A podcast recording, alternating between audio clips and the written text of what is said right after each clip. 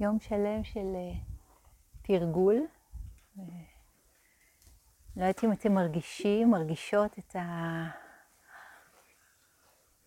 החומר הזה שצף או שוקע או גם וגם.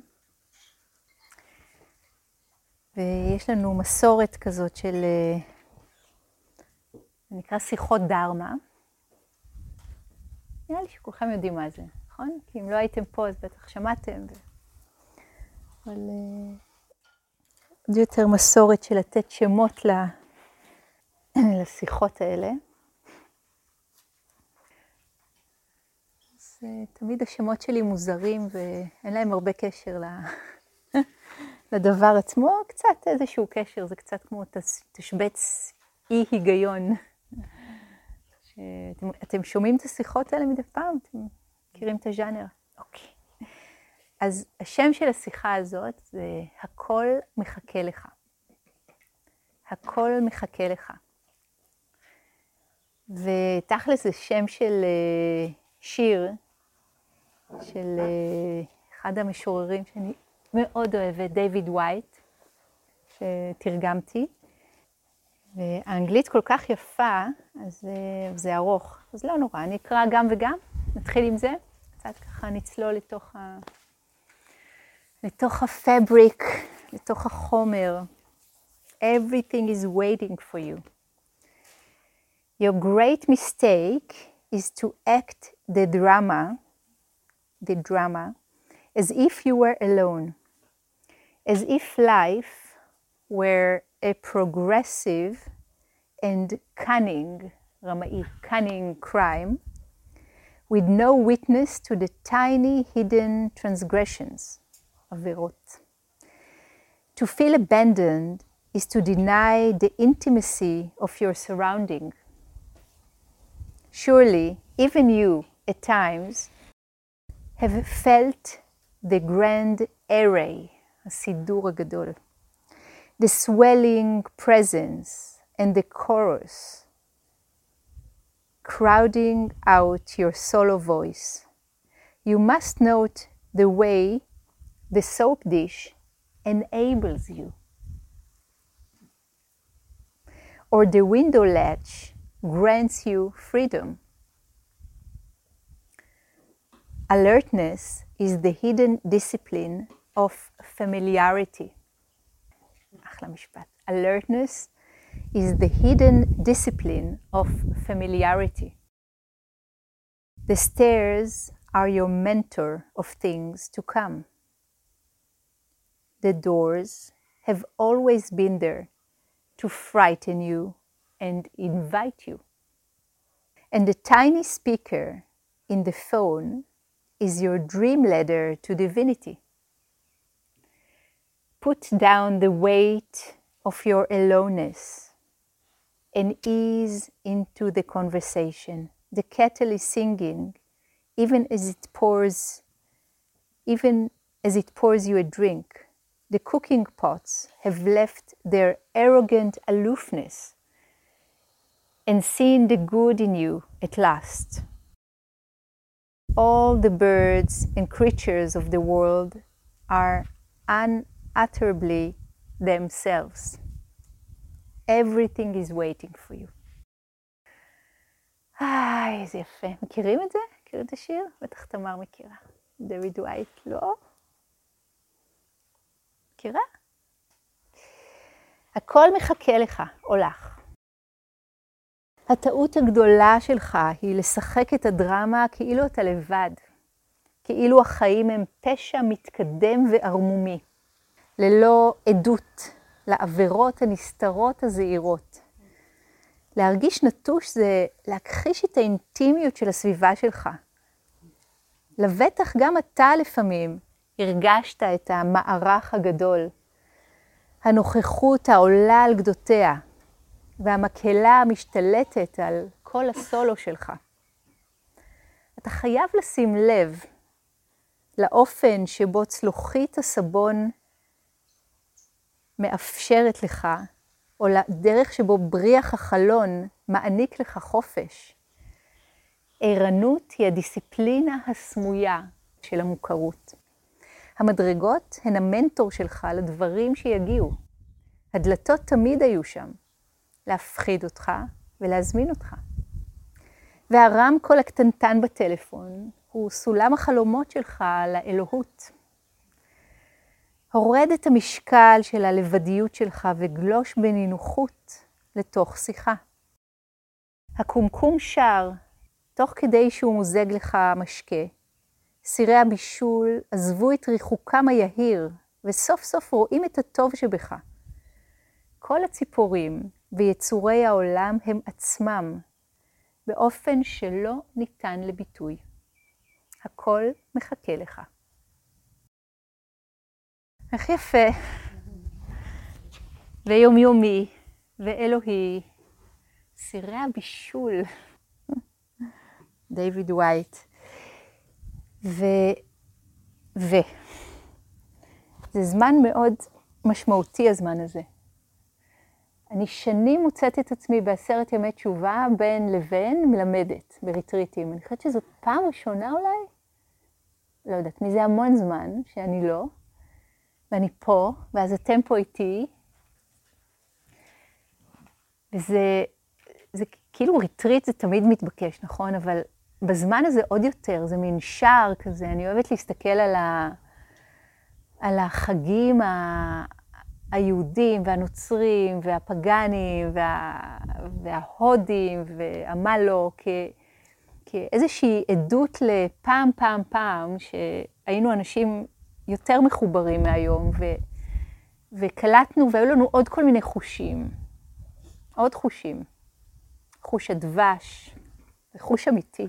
נתקלתי בו בפיליפינים, לא משנה, זו שיחה אחרת, אבל היו לנו עוד חושים, החוש של להבין את, ה, את המרחב שלנו דרך הקינסתטיקה של הגוף, ולהבין מה, מה קורה עכשיו בעונות השנה, לא כמשהו שם בחוץ, לא הטבע שם בחוץ ואני כאן בפנים כאילו, ואז אני יוצאת לטבע. החוויה הייתה הרבה יותר קולית. היינו הרבה יותר אנחנו באופן שלא ניתן לתיאור, או להסבר, או לתמלול. והזמן הזה בשנה, יש לי חברה טובה, מירוש, שהיא רבה רפורמית, והיא מכנה את עצמה הורמונלית של חגי תשרי. לטוב ולכנראה פחות. אבל זה מאוד עושה לי את זה גם. ראש השנה, וכזה, טה-טה-טה-טה, כזה, מה זה, התשיעית של כזה, טה-טה-טה-טה, כזה. ואז יום כיפור משתרך עשרה ימים אחר כך, אחרי שכבר ערבלו אותנו טוב, טוב, טוב, טוב בכל ה, כל הזמן הזה. אז אני רוצה להציע כמה אה, הרהורים שקשורים לזמן הזה שלנו כאן. ובכלל, לכל הסיפור הזה של, של זמן. זמן ומרחב, שאתם יודעים שזה man-made. אתם יודעים שזה משהו שקיים רק כי, ה... כי אנחנו קיומי. רק כי החושים שלנו מכוותים בצורה כזאת. הייתה לי שיחה ממש לפני כמה ימים מאוד מעניינת עם אה, פיזיקאי, שככה סידר לי עוד כמה ברגים בראש על הסיפור הזה של ה... נכון, הדברים יכולים להתנהג לפי התיאוריה הקוונטית, או כגל או כחלקיק, נכון? זה תלוי לפי המדידה, זה, זה מה שידעתי שנים, אבל מסתבר שבדיוק של זה, כשלא מתבצעת שום מדידה, תקשיבו, זה מדהים, אני מתה על פיזיקה, אני לא יודעת על זה כלום, אבל זה מסעיר אותי. שלא מתבצעת שום מדידה, הכל, החלק, מה שנקרא חלקיקים או החומר, מתנהג כגל.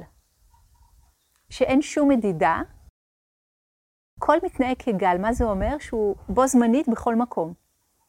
שלא ניתן לחזות אותו ליניארית. שלא מתבצעת מדידה. תחשבו מה זה אומר רגע עלינו, עליכם. על השיפוט, על הכימות, על המבט המודד אותנו, של עצמנו ושל אחרים.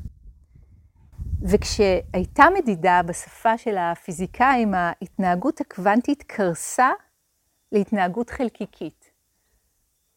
עכשיו, איינשטיין התחרפן מזה, ובור, שהם היו כל הזמן בכזה התנגשות, אמר לו, טוב, לא צריך להבין את זה פשוט ככה. והוא נורא רצה להבין את זה.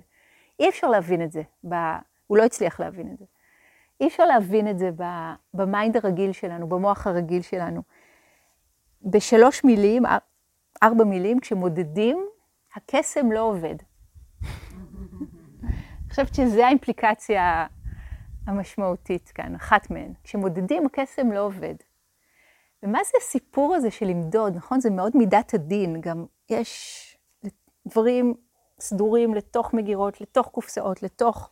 אני כן, אני לא. הצלחתי, נכשלתי. במדיטציה, המדיטציה מזמינה אותנו לחזור למקור שלנו, של הגל, כי סורי, מאדם, אין הצלחה או כישלון במדיטציה. את לא יכולה להיכשל, לא משנה כמה, לא יודעת מה, ה mind שלך סוער, זה בכלל לא משנה. זה לא משנה מה אנחנו פוגשים, משנה איך אנחנו פוגשים. בדיוק אותו דבר. כשלא מתבצעת מדידה, הקסם עובד. כשהיא מתבצעת, נפלנו חזרה לתוך אה, עולם החומר המשעמם, עם הליניאריות שלו ועם החיים והמוות שלו. שזה כבר אה, פחות חדשות טובות. זה מפחיד את רוב האנשים, נכון? מוות. ויש אה, דואליות מאוד חזקה בין זה ובין זה. אז אני מניחה את זה כאן בינינו, שנחזיק את זה ביחד, כי אני כבר רואה את, ה... את ה mind של ירון ואחרים כזה נוגס בזה לתיאבון כראוי. חתיכת אינפורמציה, אה? אך, תענוג. אבל בכל זאת, אנחנו מדברים הרי בשפה, ושפה היא, יש לה, יש לה, בוא נגיד, את היכולת עבורנו להצביע על האבסולוט, או יותר נכון, שירה טובה יכולה להעביר את הבושם הזה של הדבר הזה שהוא מעבר ואין לו, אין אפשרות להסביר אותו, לדבר עליו. אבל רוב הזמן אנחנו מדברים כאילו אנחנו יצורים סופיים, כאילו אנחנו מתחילים ונגמרים נגיד בגוף שלנו, ויש לנו איזשהו משך. נכון, זה נראה לנו האמת. עד שאנחנו מתחילים לתרגל מדיטציה, ואז מתישהו אנחנו צונחים לתוך ה... מה זה היה? המאורה, החור הזה באדמה שאליס נפלה אליו, והתחילה לרחף במקום ליפול, כמו בשיר של ריימון קרבר, נכון? אדם נופל ממטוס בלילה חשוך, זה שלו של עוזי וואי? פתאום הוא מגלה שאין לו מצנח. לא רעיון טוב. פתאום הוא מגלה שאין קרקע. אז הוא נופל? מה משמעות הנפילה אם אין קרקע? אין לה משמעות. בדיוק. אז אני רוצה להוציא את עצמנו מהמשמעות הרגילה של הדברים, ולהחזיק משמעויות אחרות, שהחזיקו אותם ככה גם בזוהר, למשל הקריאה הזוהרית בטקסטים של, ה, של התורה, או בכלל ההתייחסות לזמן הזה עכשיו. אז למשל האמירה על אברהם, שהוא בא בימים. יש לנו ימים והוא בא בהם. והמבט של הזוהר הוא מבט מקסים, הוא אומר, הימים נמצאים שם כל הזמן, בשביל כולנו. איך שנולדנו, נולד הזמן שלנו. הימים שלנו נולדו עבורנו והם שם כל הזמן, וזה up to us אם נבוא בהם או לא נבוא בהם. אז הייתה לו מעלה גדולה לאברהם הזה, שהוא ידע לבוא בימים שלו. ומה זה אומר לבוא? זה ממש השורש התנ"כי עם כל הקונוטציות שלו, לדעת משהו, לבוא למשהו, לבוא אל משהו, להתמזג עם משהו. אז בכל מיני לימודים או תורות שאני מכירה, גם, גם הבודהיזם, במיוחד הבודהיזם הטיבטי, גם בשמניזם, גם בעוד כל מיני תורות אזוטריות, הם מדברים על דברים די דומים, זה די קטע. בכל מיני אזורים גיאוגרפיים על פני הכדור הזה, הם אומרים דברים נורא דומים. הם אומרים, היי, hey, הזמן לא קיים באופן שאת חושבת שהוא קיים, ומאחר וכך, העבר הוא לא באמת עבר ונגמר, והעתיד הוא לא באמת עוד לא התרחש, אלא הכל קורה בו זמנית. מה? מה פתאום? הנה, השעון מראה לנו. אז עוד פעם עולה לי שורה משיר של עמיחי, אני לא יודעת אם אני אזכור את זה, כמו ש... לא, כמו שהזמן אינו נמצא בתוך השעונים, ככה האהבה אינה נמצאת בתוך הגופים, הגופים רק מראים את האהבה. אז הזמן שאינו נמצא בתוך השעונים, השעונים מנסים לתפוס משהו, ואנחנו מאמינים שזה ליניארי. המורה שלי, הוא כבר הרבה שנים לא חי, ככה קוראים לזה, לא חי, אבל הוא מאוד חי, רמש בלסקר בבומביי, נתן את הדוגמה הזאת, כמו ש... אני לא הצלחתי להבין את זה שנים. נסעתי אליו כל הזמן, והוא היה כל פעם במין חמלה כזאת, אומר לי, what to do. המשיך לנסות, הייתי ממשיכה לנסות עד שהבנתי. ואז אחת הדוגמאות שהוא נתן, שלי מאוד עזרו, בבומביי יש שלטי חוצות ענקיים, עצומים. זה משהו שאני לא ראיתי בשום מקום אחר בעולם, אני מקווה שאין אותו בשום מקום אחר. בטח יש אותו. עצומים, לא יודעת מה, עשר, עשר, עשרים, משהו עצום, נראה כמו בניין ענק כזה. זה פרסומת למשהו. בדרך כלל יש שם אישה יפה בסארי, כל מיני צילומים על פוטושופ, כאילו, משהו כזה. ובומביי, כמו בומביי זה, היום קוראים לזה מומביי, בסדר? זה עיר ההפכים. אז ליד השלטי חוצות שמוכרים תכשיטי זהב ונזמים וסארים ממשי וזה, גרות משפחות ברחוב. שוהות, חיות, מתגוררות למרגלות השלט. עכשיו, כשאנחנו עוברים ליד השלט, אז אנחנו רואים את המשפחות שיושבות, והילדים שמשחקים, ובנס הם לא נדרסים, ואיכשהו הכל כזה מין, אוקיי, בתוך הכאוס של בומביי. אנחנו עוברים ליד השלט הענקי הזה, אנחנו לא רואים מה יש בשלט, כי זה, אנחנו קרובים מדי וקטנים מדי והוא גדול מדי, נכון? אנחנו רואים פיקסלים, אנחנו רואים חלקים, אולי לפעמים נצליח לאתר איזה אות כזה, כזה רגע, כן. זה קורה לנו עם הגיל גם, נכון? כזה, היד פתאום מתקצרת לנו, כזה.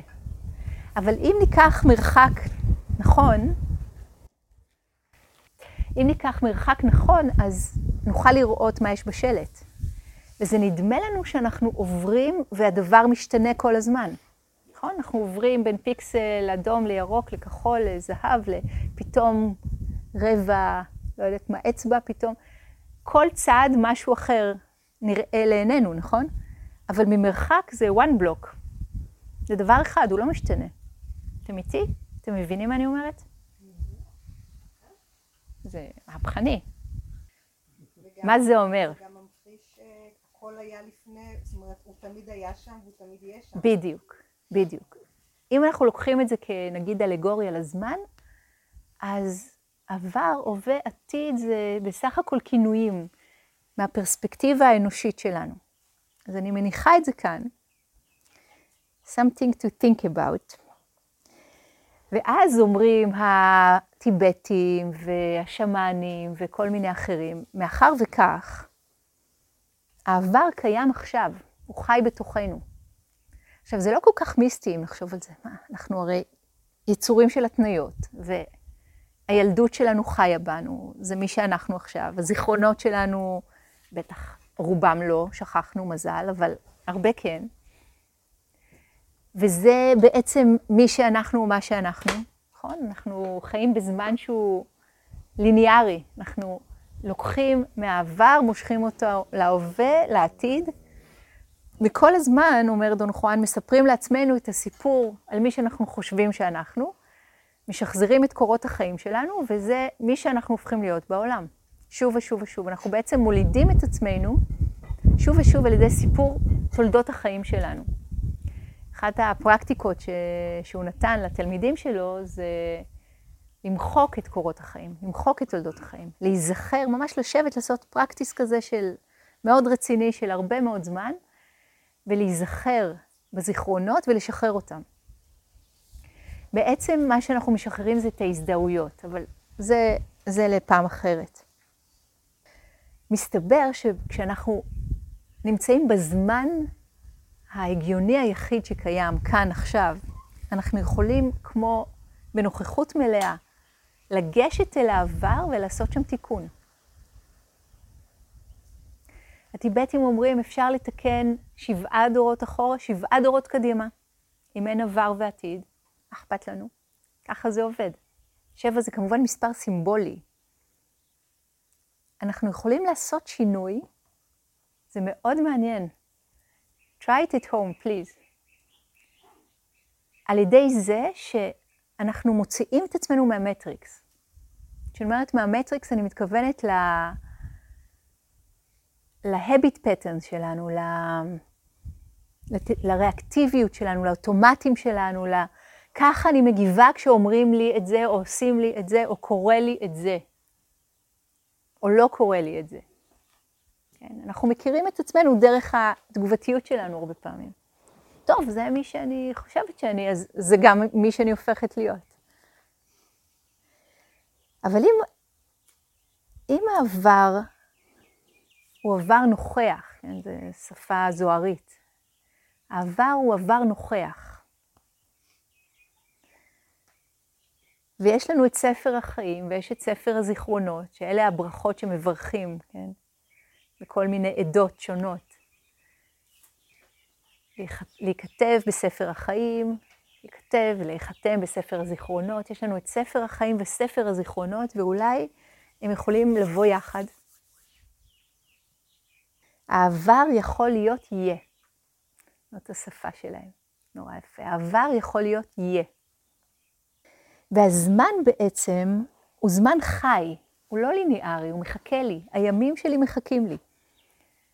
ועד הרגע האחרון אני יכולה להיכנס לימים האבודים שלא ביקרתי, ולחיות אותם מחדש, ולהשתנות דרך זה. אז אה, זה מאוד מזכיר, אתם יודעים, את כל ה, את העבודה הפסיכולוגית, אה, עבודה למשל עם הילדה הפנימית, עם הילד הפנימי. הרי מה קורה שם? אנחנו הולכים ופוגשים את החלק הרך בתוכנו, שאולי הוא מאוחסן איפשהו במוח הקדום עדיין, או אולי במקומות קדומים אחרים, ומפעיל אותנו כשיש אה, מצב של סכנה, טראומה ברגיל הזה של ה-fight, flight, freeze. וכל פעם אנחנו מוצאים את עצמנו על אותו הפנדולום סווינג, על אותו הסיפור האוטומטי, עד שמשהו משתנה, והמשהו שמשתנה הזה יכול להיות הגישה שלנו פנימה. אני לא רוצה לתת לזה יותר מדי ריפיקציה, כאילו, אמ, איך אומרים את זה, למצק את ה... כאילו, יש באמת ילדה פנימית, אין באמת ילדה פנימית, אבל יש באמת ילדה פנימית. היא קיימת לא באופן הרגיל שדברים קיימים, אבל היא לגמרי קיימת. ועובדה, היא מתבטאת. ואנחנו גם רואים אותה לפעמים, אחד אצל השני, שזה אלה רגעים הכי מתוקים שיש. are you in there too? כן, כן, כן. אחד התרגולים שאני הכי אוהבת זה לראות את הילדים.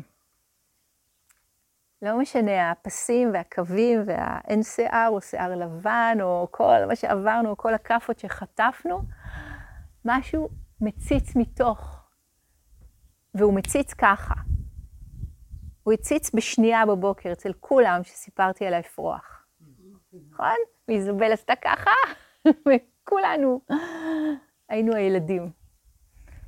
אצלי כל בוקר מוקדם, אני קמה מוקדם ואני אוהבת לשבת אה, בחוץ ולא לעשות מדיטציה. אתם יכולים להעתיק ממני, אני רק יושבת ולא עושה כלום. ובשעה הזאת המוקדמת מוקדמת שהשחר מתחיל לעלות, יש פה ארנב שקוראים לו קוקוס, והוא ברח מהשכנים. יום לפני שהם רצו למסור אותו, אפרופו חיות שיודעות הכל, כבר שנה וחצי הוא פה, לא ברור לי איך הוא שורד עם כל השועלים והתנים ומנג'ו וטרה, שברגע שהן קולטות אותו, הן מתחילות בטיל, בריצה אחריו, ואז הוא פשוט מדלג, אין להם צ'אנס. הוא מדלג, מדלג, מדלג, צ'לק מתחת לגדר, נעלם וחוזר אחר כך שהן הולכות. אז תחשבו רגע על הדימוי הזה, ואיכשהו זה מזכיר לי את הסרט, המטריקס פתאום, נכון? היה שם גם ארנב. כשאני רואה את זה, זה ישר הדבר הזה מהבפנים שמתרגש מארנבים. יוצא החוצה. קוקוס, תיזהר. ולא אני נתתי לו את השם, השכנה, שנורא נורא בכתה, היא חשבה שהוא נאבד, ואז אמרתי לה שהוא פה, היא הייתה כל כך מבסוטית, היא גם רוצה להיות פה. אז לפחות, לפחות הוא פה. אז זה לוקח אותנו לכל העבודה הסו קולד פסיכולוגית, שהיא מאוד מאוד חשובה, אבל כשאנחנו לא נסחפים לתוך הסיפור הקשוח ביותר שבטוח לרובנו היה. ככה זה. זה די פלא שכולנו ניצולים של, אה, לא יודעת, הילדות שלנו. באמת, זה היה זמן לא קל, זמן לא קל בכלל, להרבה מאיתנו. אז איך אפשר לגשת לימים האלה שלא באנו בהם, ובצדק לא באנו בהם? כי זה היה מסוכן מדי, זה היה מפחיד מדי. זה היה חכם לא לבוא בהם. זה היה חכם לשים קיר וחציצה. אבל עכשיו אנחנו אחרים. פעם זה היה מסוכן להרגיש את זה. פעם זה היה מסוכן להרגיש למשל פחד. פעם זה היה מסוכן להרגיש בדידות. פעם זה היה מסוכן להרגיש ייאוש. פעם זה היה מסוכן להרגיש אבל, עלבון, כמיהה, התאהבות. כל הדברים האלה היו מסוכנים פעם. כי לא נתנו לעצמנו להרגיש אותם עד הסוף, או עד החצי אפילו. אחת המנטרות שאני אוהבת זה... ולא ידענו, זה בכלל, אבל אחת המנטרות זה, זה כואב, אבל זה לא מסוכן. מנג'ו במופע נחירות שלא מבייש אף מלאך שיכור. זה כואב, אבל זה לא מסוכן. וכשאנחנו עם ה... באמת אני קוראת לזה מנטרה, כי זה, כי זה משהו כזה, זה קצר, זה קליט, וזה עובד מהר על, ה, על הבפנים שלנו. כשאנחנו נזכרים בזה, אנחנו מתחילים לבוא בימים האבודים שמחכים. התיאור בזוהר הוא מקסים, הם פשוט התייאשו מלעמוד, אז הם יושבים. הם יושבים ומחכים לנו. וזה ממש לפעמים עבודת שחזור, כדי לקחת חזרה חלקים שננטשו בנו. ושוב, אני אומרת, זה, זה מאוד עדין כאן, וצריך לדעת עם איזה כלים לפנות פנימה.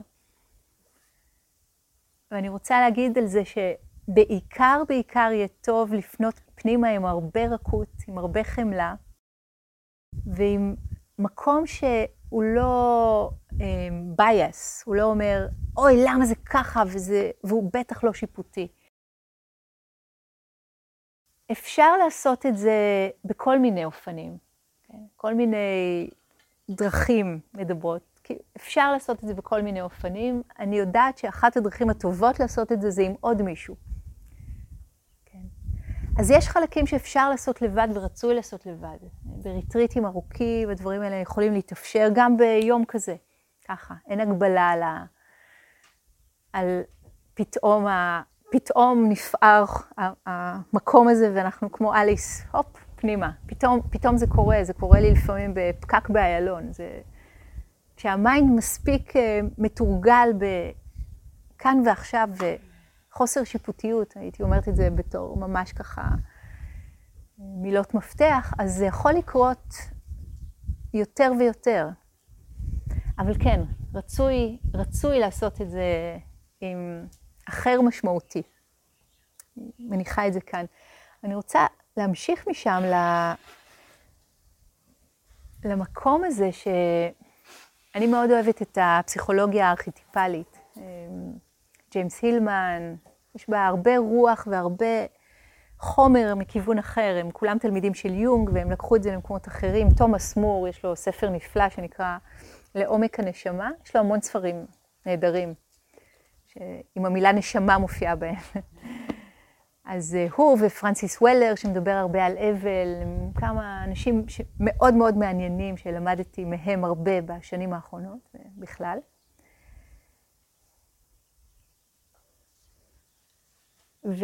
אולי אני אקרא קטע קטן, מה שהתכוונתי, שהוא בכלל מדבר על, על אהבה. וכשהוא מדבר על אהבה, הוא מדבר על צללי האהבה. הוא אומר, אם לא נתמודד עם צללי האהבה, תהיה חוויית האהבה שלנו לא מושלמת. פילוסופיה סנטימנטלית של האהבה, המאמצת רק את הרומנטי והחיובי, נכשלת למראי סימני הצל הראשונים. מחשבות פרידה, אובדן אמונה ותקווה, או שינוי לא צפוי בערכיו של בן הזוג, בת הזוג. קרה לכם? כזה, אומייגוד, oh אסון מתקרב, נכון? סימני הצל הראשונים. ראייה חלקית שכזו, הוא אומר, מציגה אידיאלים וציפיות בלתי אפשריים. אם האהבה אינה תואמת לאידיאלים אלה, היא נהרסת כבלתי כשירה. מעצם טבעה, אני מדלגת קצת, נחווית האהבה כבלתי כשירה. אהבה, הוא כותב, מוצאת את נשמתה בתחושות חוסר השלמות, חוסר האפשריות וחוסר המלאות שלה. ואני מדלגת ל... כדאי לכם, כדאי לכם את הספר הזה. אנחנו חושבים שידוע לנו מהי האהבה, הן תיאורטית והן כאפיזודה בחיים. אך האהבה נוטה לעבר הכוכים המסתוריים והאפלים של עולם המעמקים של הנשמה. מימושה, הוא כותב, הוא המוות, סיומם של החיים כפי שהכרנו אותם עד כה, ללא כל הבטחה למימוש תוכניותינו לעתיד. האהבה מביאה אותנו אל קצוות הידוע לנו, ומעבר לכך, כולנו דומים ל... לא משנה, סיפור מיתולוגי שהוא סיפר פה, כשאנחנו נעתרים לה ומתלווים אליה בנכונות. אחד מצרכיה החזקים של הנשמה הוא הצורך בקהילה. אך מונח הקהילה מנקודת ראותה של הנשמה שונה מעט מהמונח החברתי המקובל. הנשמה כמהה לקשר, לגיוון באישיות, לקרבה וייחודיות, ואלה הן התכונות שמבקשת הנשמה בקהילה, להבדיל מאחידות. אנחנו מדברים פה הרבה על סנגה ועל like-minded people, ואני רוצה להצטרף למה שתומאס מור אומר, וככה לקשור את הדברים. לפני הרבה שנים לימדתי שנים ארוכות עם אחד המורים שלי, כריסטופר טיטמוס, שהוא באמת אדם יקר יקר. העליתי עכשיו, הסרטון האחרון ביוטיוב זה סד... אחד מסדרה שכשיהיה לי זמן לשבת על הפרמייר, אז השאר גם כן יעלה, של רעיונות שעשיתי איתו לפני שנה. ואני זוכרת שבריטריטים שלו, כל הדרמות היו קורות. לימדתי איתו בהודו, לימדתי איתו בגרמניה, בארץ, תמיד היו, כאילו, הדרמות היו קורות בריטריטים שלו, איכשהו. והתחלתי לראות עם השנים שהאנשים שנמשכים לריטריטים עם כריסטופר, כי הוא מאוד, במילים שלו, eccentric, British, very eccentric, זה אנשים אקסנטרים. אז יש דרמות. וכל פעם זה היה מאוד מאתגר את המנהלה. את ה... יש ריטריט וצריך לעשות את הדברים ככה, ואז מה פתאום? לא משנה, בלי דוגמאות, אבל דוגמאות, וואו. אקסנטריות. ואני זוכרת שהיה פעם אחת, כן, אתן דוגמה, מישהו אחד ש... שהשתגע, הוא היה, זה היה הריטריט הראשון שלו, הוא, הוא ישב על קוצים, הוא התחרפן מה mind של עצמו, זה היה כאילו, הוא אמר, די, אני לא יכול, אני לא יכול, אני... או שאני עוזב, זה היה אחרי שלושה ימים אל תוך הריטריט, שאני עוזב, או שאני לא יודע מה לעשות, הוא בא לדבר איתנו, ובמקרה היינו שנינו ביחד. אז ככה, ותפס את שנינו, הוא התפוצץ כזה, התפרץ, התפוצץ עלינו. אוקיי, אני לא יכול. עכשיו, הריטריטים באנדור זה מול התבור, מקום מאוד יפה, הרבה מכם היו. כלומר, אני חייב לקחת את עצמי לטיול היום. וכריסטופר אמר לו, זה היה בבוקר, כן? אין שום בעיה, לך, תחזור עד ארבע. והוא הלך. נשרה לי הלסת, כאילו, פחות או יותר, ריטריט, מה?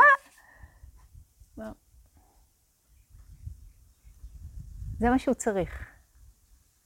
זה מה שהוא צריך. אם הוא יחזור בארבע, אני אהיה מאושר, כריסטופר אמר לי. הוא חזר בחמש, אבל הוא חזר. והוא נשאר את כל הריטריט. וזה לימד אותי המון על ה-inclusiveness. והוא גם אמר, ופתחנו את זה אחר כך, כי אם אנחנו נצמדים, נצמדים, נצמדים, נצמדים לחוקים, לאיך שהדברים צריכים להיות, זה, אנחנו מתחילים להשטיח את הקהילה שאנחנו נמצאים בה. ואנחנו מתחילים להשטיח את קהילת הצומח, שאנחנו מכירים all too well, את כל המונו-קלצ'ר, נכון? של הכל גדל אותו דבר כי זה נורא נוח. ואנחנו מתחילים להשטיח את הערכים שלנו, ורוצים להשטיח ערכים של אחרים. כי זה מאיים עלינו, כי זה יותר נוח, שכולם כאילו דומים. אבל משהו מאוד גדול הולך לאיבוד במגוון, בשונות. זה איך שאנחנו גדלים, זה איך שאנחנו מתפתחים, כשיש את ההבדלים הגדולים בינינו. וזה אחד הדברים המדליקים שקורים בעיניי בדרמה, שאנשים מכל מיני שבילי חיים מגיעים. זה לא שטאנץ, כמו שיש אגב באירופה, הרבה. כשלימדתי שם זה היה uh, upper middle class, באזור בין ה-50 ל-70, פחות או יותר, שהם well enough כזה, ו... ופה, תראו, מגניב. זה ממש מגניב. זה, זה בעיניי אחד הדברים שעושים, סוגריים חשובים, שינוי, שינוי חברתי ופוליטי. אז אם אני חוזרת ל... אמרתי לכם שאין הרבה קשר בין... everything is waiting for you, everything is waiting for us. בכל מיני רמות של הדברים, ואנחנו נמצאים בעשרה ימים משמעותיים, כי שער, אם תרצו, קדום קדום, שאנשים הקדומים הבינו משהו על הזמן הזה, הם הבינו שיש לו פוטנציאל הריוני של ללדת אותנו אחרים, אם אנחנו לוקחים אותם ברצינות, זאת אומרת, אם אנחנו מסכימים לצאת מהסיפורים של עצמנו על עצמנו, ועל ככה זה ואין מה לעשות, ומין חוסר אונים נרכש כזה, ומתחילים אולי להסכים לראות איך הדברים עובדים באמת, כמו למשל עניינים של כוונה. זה זמנים של כוונה. וזה זמנים שהכוונה בהם היא על ווליום ממש חזק. נכון? זה הזמן של המלך בשדה, נכון? זה עוד ביטוי נורא נורא יפה, מי מכיר? חגי, נכון? זה ראש השנה או כל הימים האלה? ראש השנה. המלך בשדה, וואו, כאילו האלוהות מאוד מאוד קרובה אלינו. היא יומיומית, היא בסירי בישול ובמיקרופון של הטלפון. כן? ומה מה הימים שלנו מבקשים מאיתנו? תמיד אנחנו, או הרבה פעמים זה בכלל, זה מאוד בתרבות שלנו, מסתכלים מתוך, מתוך עצמנו החוצה אל העולם, או אפילו מתוך עצמנו על עצמנו, הופכים את עצמנו לאובייקט, זה סוג של אה, מוצר צריכה. אנחנו הופכים להיות ה-commodity, הדבר הזה של אני אעבוד על עצמי, ואני אהיה עכשיו, ואני אעשה מדיטציה, ואז אני אשתפר בזה, ואני אשתפר בזה, ואני אשתפר בזה. כל הזמן משפצרים. לא, לא כזה.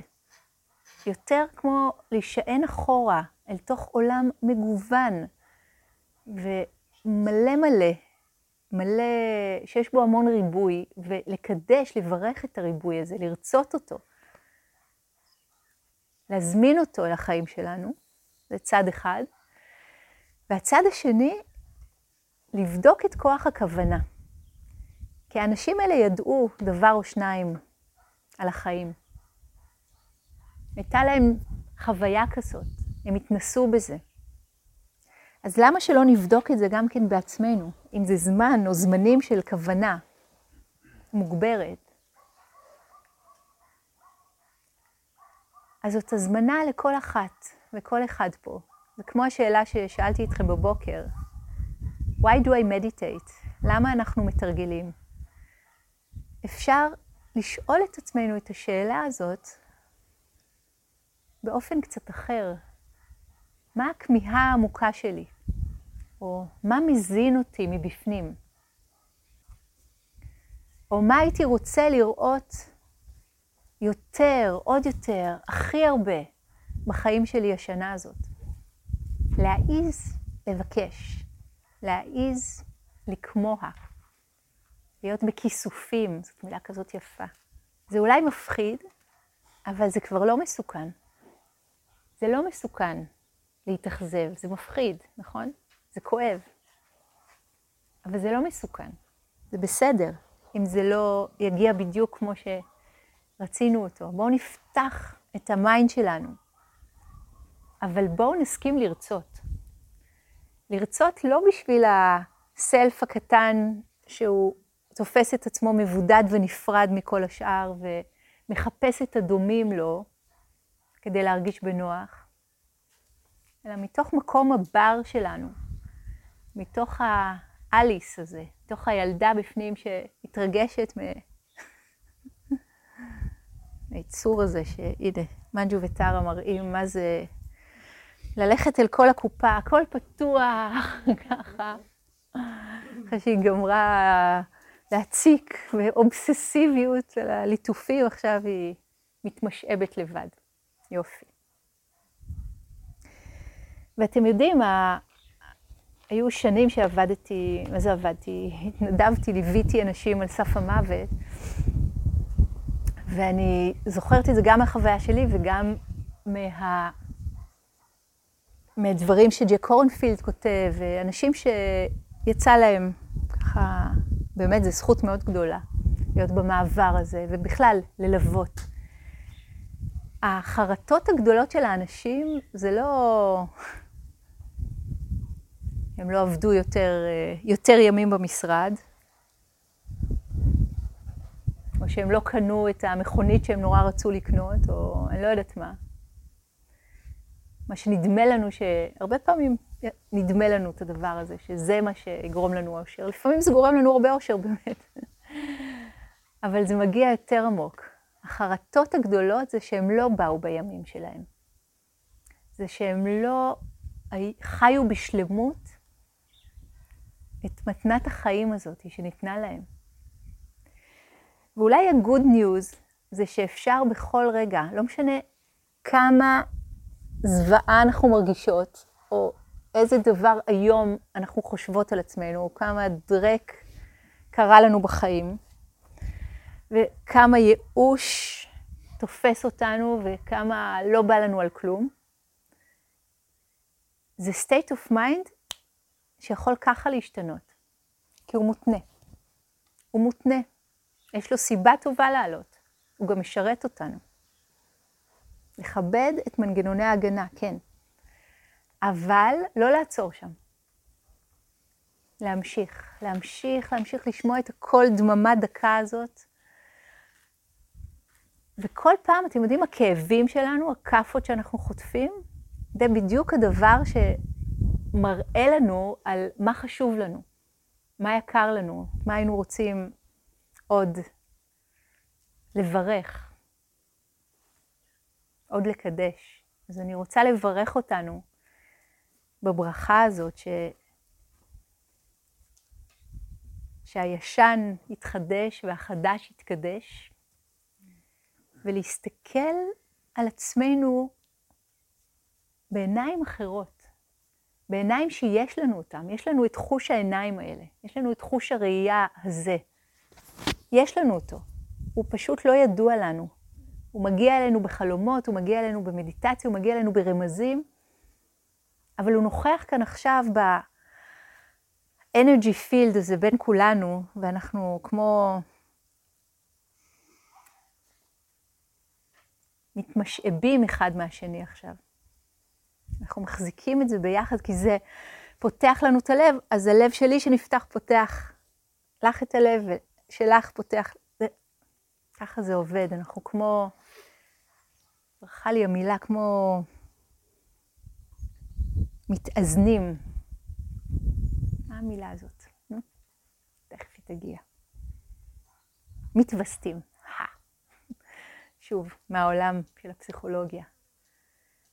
אבל לא רק בשביל להיות even, אלא בשביל mm, האיכויות האלה שקיימות בנו כל הזמן, כפוטנציאל וכשלמות. טבע בודה מחכה שנבוא אליו. זה הלבוא בימים שלנו. יס? Yes? טוב. אז מישהו רוצה להגיד משהו? אם הבנתי נכון, זה בימים, הכוונה היא לעשות משהו בזמן הזה, לא לנצל אותו? לחבק אותו, לזלול אותו, להתרפק איתו. לא לנצל אותו, אלא להיות אחד איתו. כן? אני יודעת למה התכוונת, אבל אני לוקחת את המילה לנצל כמילה עוד אחת שהיא יכולה לבלבל אותנו. היא קשה, כן. כן. אז כל אחד עם הפרשנות שלו, זו שאלה פתוחה. לקחתי את מה שאמרת קודם. לא יודע כמה אנשים עניים בזה. לא לחכות לפנסיה, בדיוק. להקדים אותה. או, או. אני יצאתי לפנסיה, אני באופן אישי, אני יצאתי לפנסיה בגיל 30. זה היה אחד המהלכים החכמים שעשיתי. אגב, אני מציעה לכולם לצאת עכשיו לפנסיה, עם כל ההשתמעויות של הדבר הזה. אבל כן, בדיוק. תודה. כן? טל? בסדר? אוקיי. אוקיי. טוב. אז אני רוצה להזמין אותנו לשבת רגע, כמו שאתם, אל תתארגנו. כמו שאתם עם הרוח הזאת והישיבה הקשובה הזאת. לשבת עם המילים.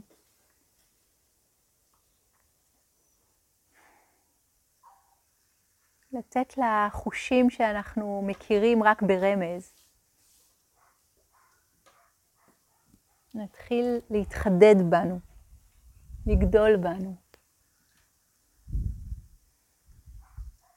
חוש הגוף האתרי, חוש היופי, חוש המורכבות. תמציאו לכם חושים שלכם, כמו שאני ממציאה עכשיו.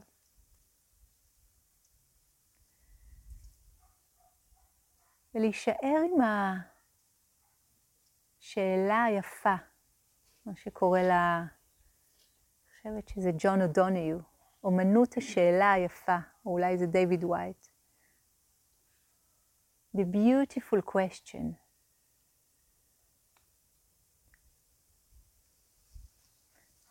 מה זה הדבר שהייתי רוצה או רוצה לראות יותר, המון, בשנה הזאת, בחיים שלי?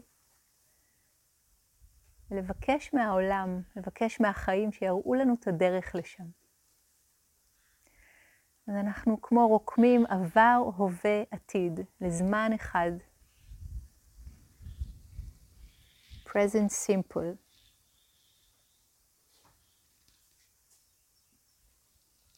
הזמן החי. להיכנס לימים האבודים ולשנות את העתיד ואת העבר.